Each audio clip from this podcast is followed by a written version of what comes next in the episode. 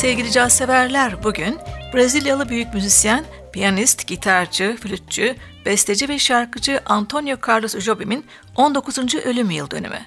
1927 yılında Rio de Janeiro'da doğan sanatçı, Bossa Nova akımının öncüsüydü. Yazar, diplomat, gazeteci, Profesör Jorge de Oliveira Jobim'in de oğluydu. Yerel sanatçıların yanı sıra Debussy, Maurice Ravel ve Hector Villa-Lobos'tan çok etkilendi. Son derece üretkendi. Adeta şarkı makinesi gibiydi. Ama hiç tekrara düşmeden birbirinden güzel parçalar armağan etti ülkesine ve aynı zamanda caz dünyasına. Çoğu parçaların şiirsel sözlerini ise yakın dostu Vinicius de Moraes'e yazdırdı. Birlikte yarattıkları ölümsüz parçalarla çok geçmeden Brezilya'nın modern müzik simgesi haline geldiler.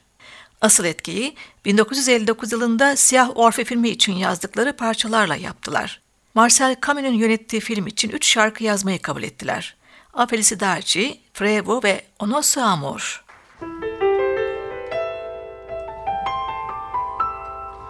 Tristeza não tem fim, felicidade sim.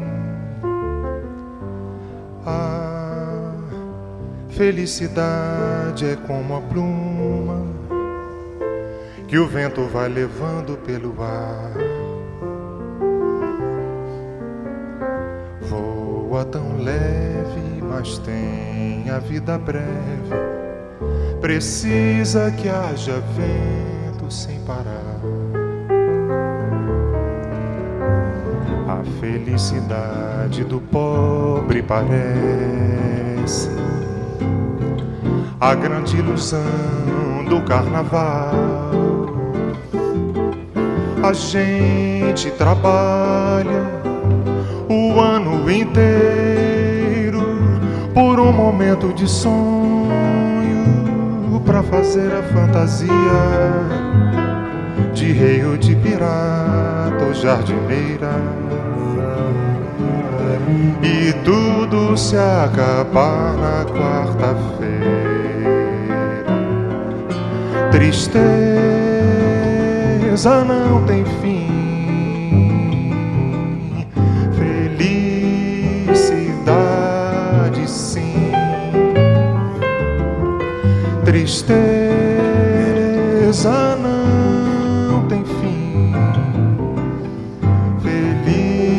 Felicidade sim.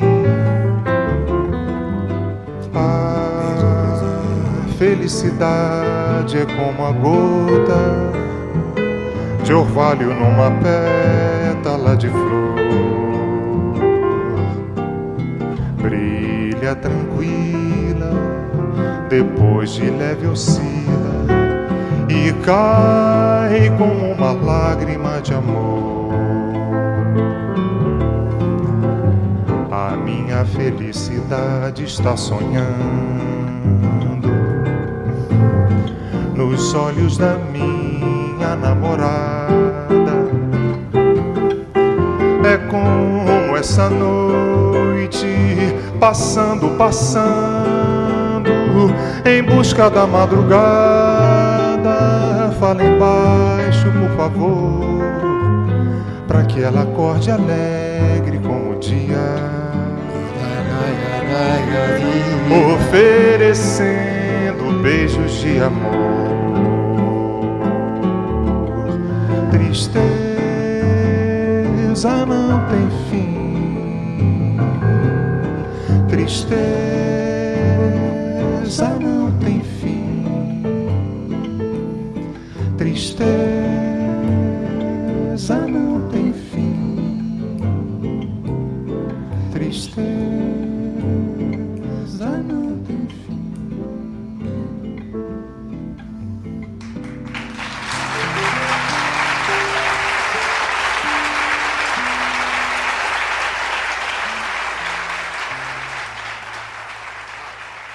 A Felicidade, Antonio Carlos Jobim, Vinicius de Moraes'in bu ortak sambası, Siyah Orfe filminin de unutulmaz parçalarındandı. Jobim piyano ve vokalde yer alıyordu. 1963'te tenor saksafoncu Stan Getz, besteci, gitarcı, şarkıcı Joao Gilberto ile sambadan türeyen ve yeni dalga anlamına gelen bossa nova tarzını yarattı. Diğer adıyla Jazz Samba macerasında onlara Gilberto'nun eşi şarkıcı Asudu Gilberto ile gitarcı, besteci Luis Bompa da katıldı. Bu yeni dalgayı bir dizi plakla tanıttılar. Gitarcı Charlie Bird de Jazz Samba, ardından Getz Gilberto ve Jazz Samba Encore gibi. 1963 yılında çıkan Getz Gilberto albümünde gözde olan parçalarından birini de Jobim, çocukluğunun geçtiği Ipanema için yazmıştı. Sözler de yine Jim O'Reilly'e aitti.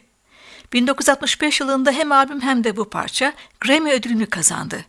Tenor saksafonda Stan Getz, gitar vokalde Joao Gilberto, vokalde Astrid Gilberto, piyanoda Jobim, basta Tommy Williams, davulda Milton Banana ve işte Garotacı Ipanema ya da The Girl from Ipanema. Ding, dum,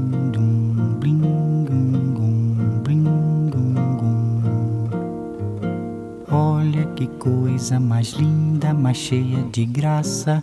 Ela, menina que vem e que passa, num doce balanço, caminho do mar. Moça do corpo dourado do sol de Ipanema, o seu balançado é mais que um poema, é a coisa mais linda que eu já vi passar. Ah, porque estou tão sozinho? Ah, porque tudo é tão triste?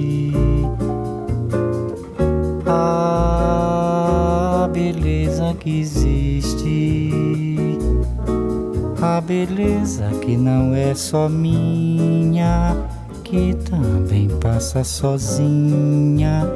Ah, se ela soubesse que quando ela passa, o mundo sorrindo se enche de graça e fica mais lindo por causa do amor.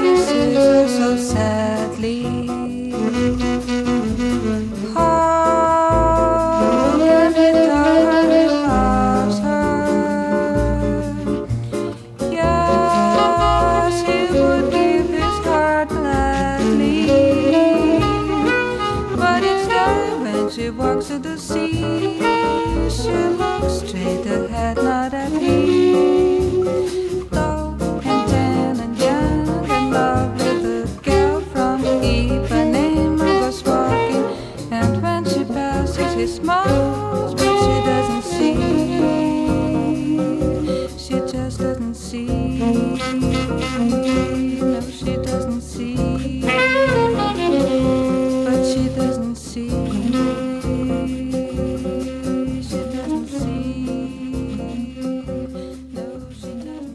Desafinado Antonio Carlos Jobim'in 1963 yılında yazdığı bu caz samba uluslararası çapta çok ses getirmişti. Öyle ki aynı yıl çıkan albümü de The Composer of Desafinado Plays adını taşıyordu.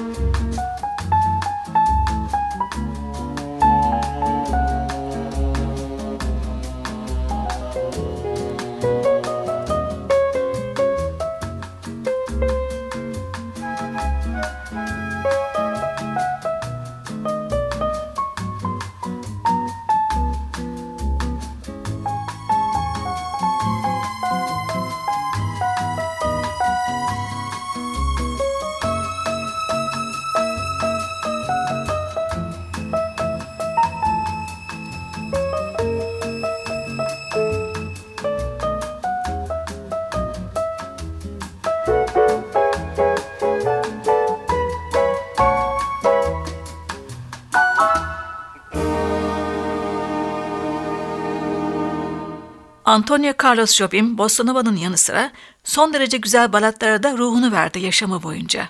Örneğin 1973 yılına ait Matita Pera albümünden aynı adlı bestesi.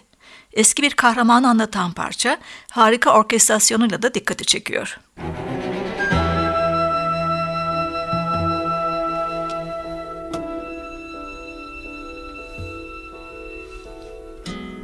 No jardim das rosas de sonho e medo, pelos canteiros de espinho e flores lá.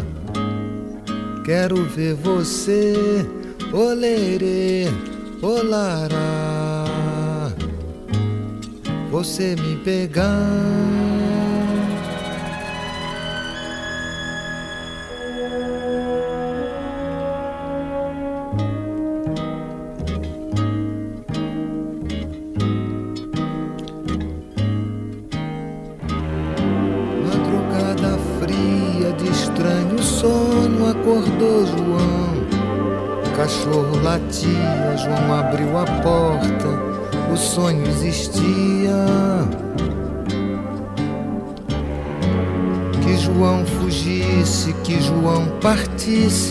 Que João sumisse do mundo. De nem Deus achar lerê. Manhã noiteira de força, viagem leve em dianteiro, um dia de vantagem. Folha de palmeira apaga a passagem, o chão na palma da mão o chão, o chão, manhã redonda de pedras altas cruzou fronteira da servidão. Olerê, quero ver.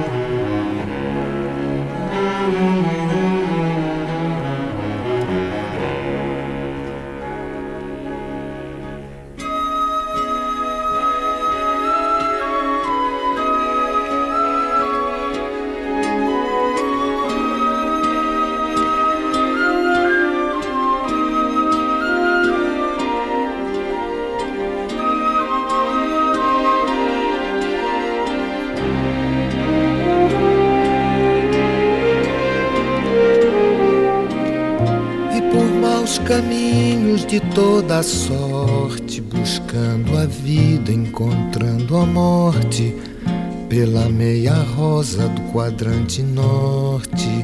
João, João.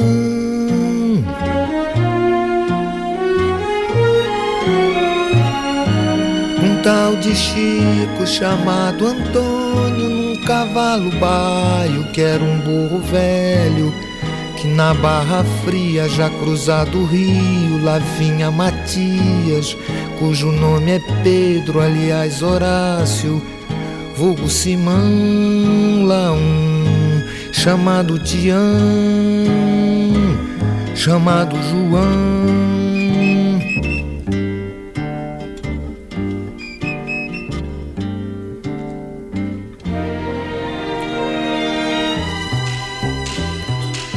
Recebendo aviso, entortou caminho de nor-nordeste para norte-norte, na meia vida de adiadas mortes, um estranho chamado João. No clarão das águas, no deserto negro, a perder mais nada, corajoso medo lá, quero ver você. Os sete caminhos, setenta sortes, setecentas vidas sete mil mortes, esse um João, João. E deu dia claro, e deu noite escura, e deu meia-noite. No coração.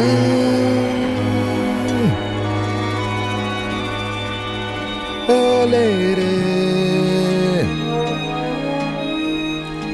quero ver.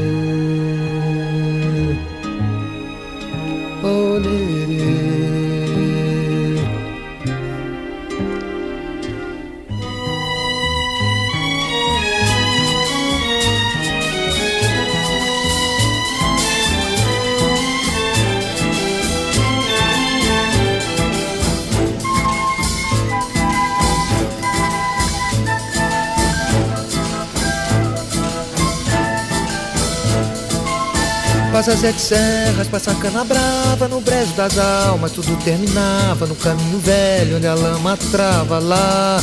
No todo fim é bom Já acabou João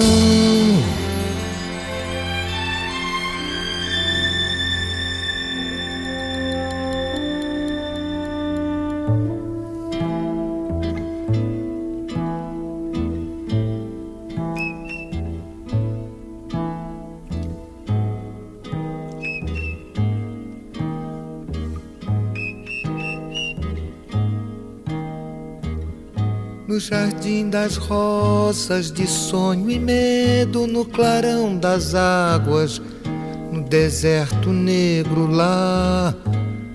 Quero ver você, lerê, lará. você me pegar.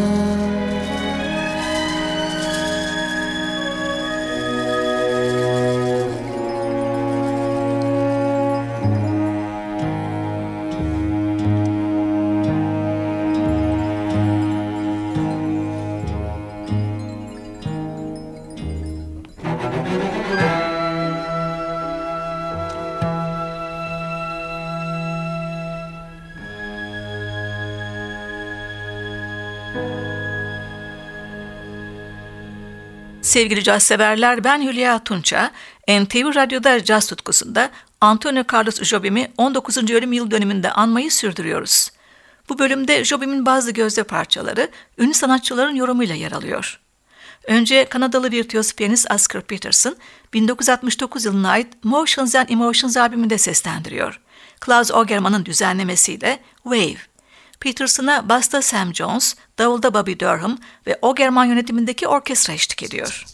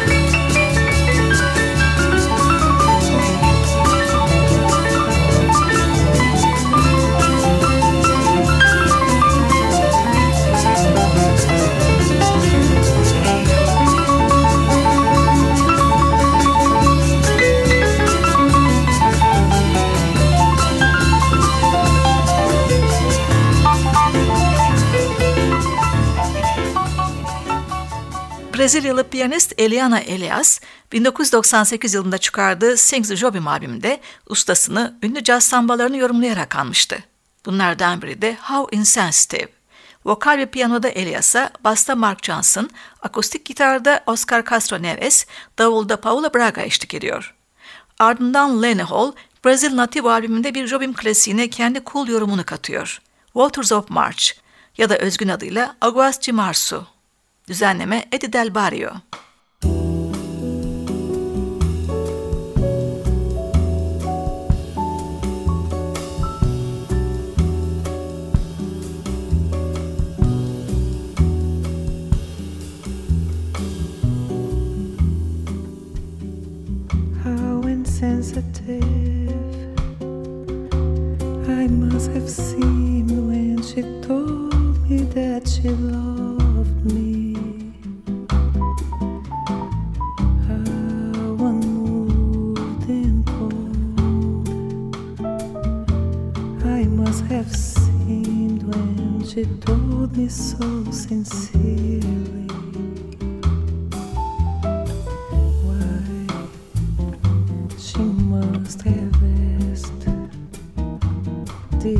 the.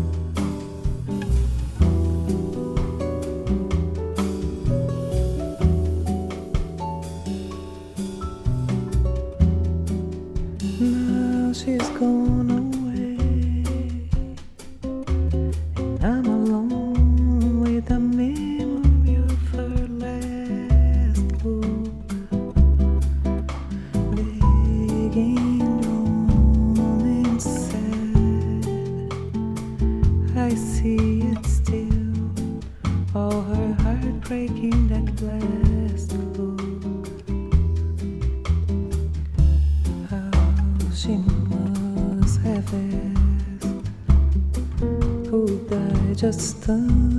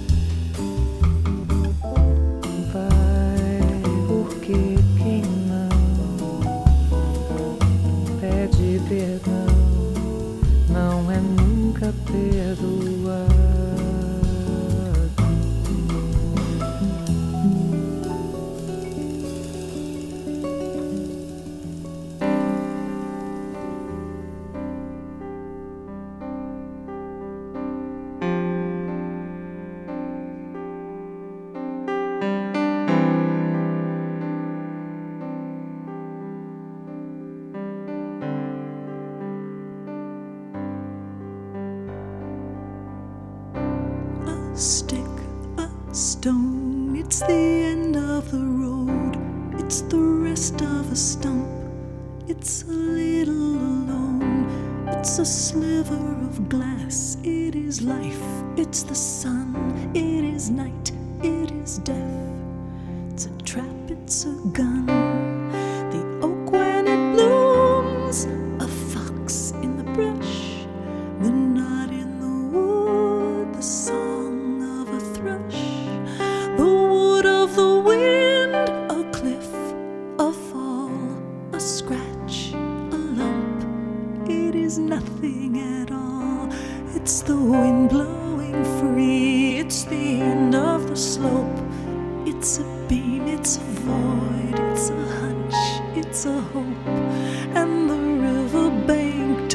of the waters of March. It's the end of the strain, the joy.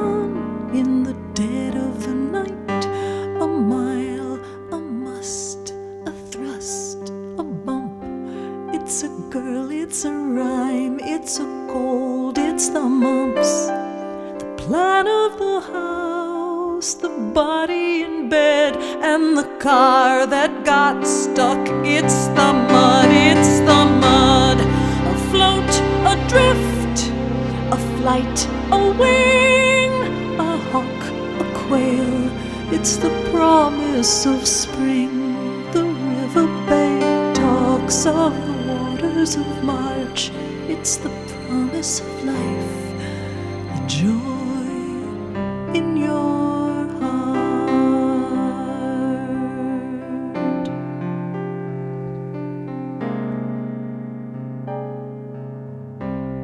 A passing the mountains, a horse and a mule. In the distance, the shelves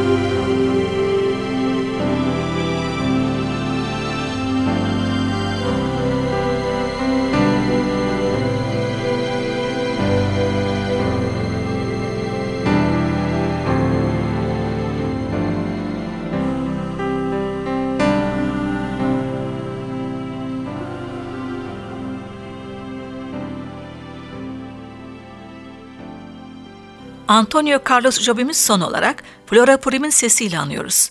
Perpetual Emotion albümünden Fotografya. Piyanoda Christian Jacob, basta Trey Henry, gitarda Oscar Castro Neves, davulda Ayrton Moreira ve OK Choral korosuyla seslendiriyor. Eu,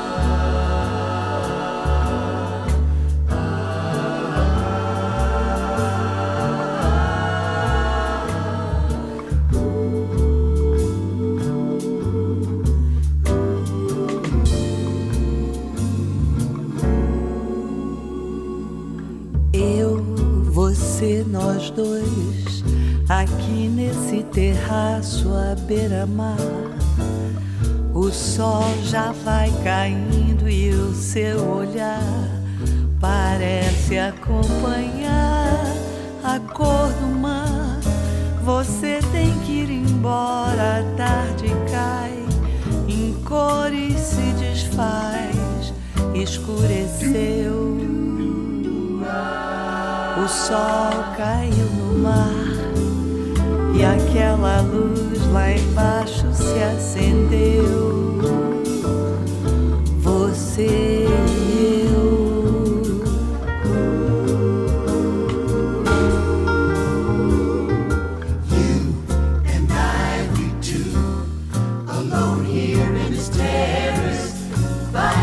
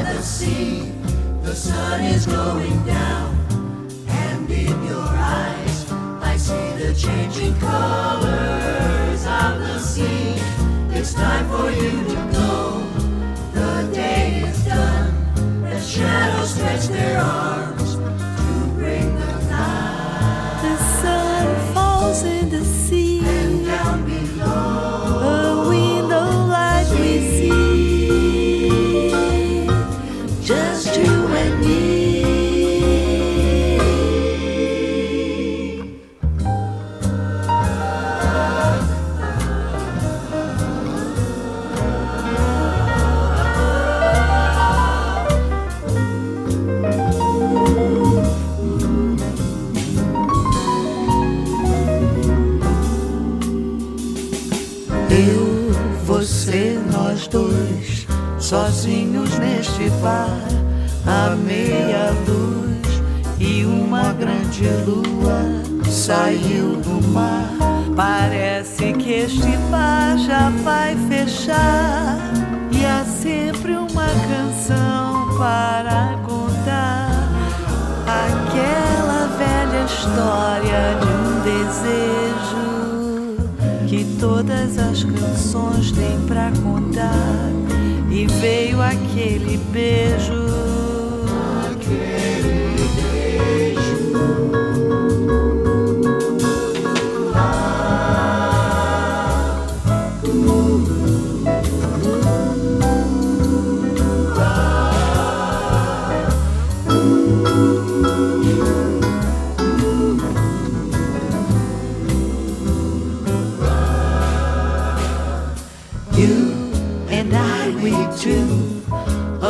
Here in this bar, with dimming lights, a full and rising moon comes from the sea, and soon the bar will close for you and me, but there will always be a song to tell, a story you and I cannot dismiss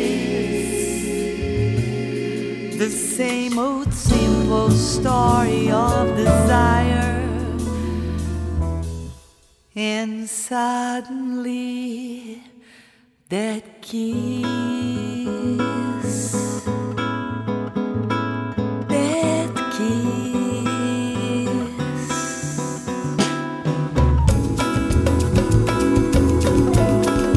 veio aquele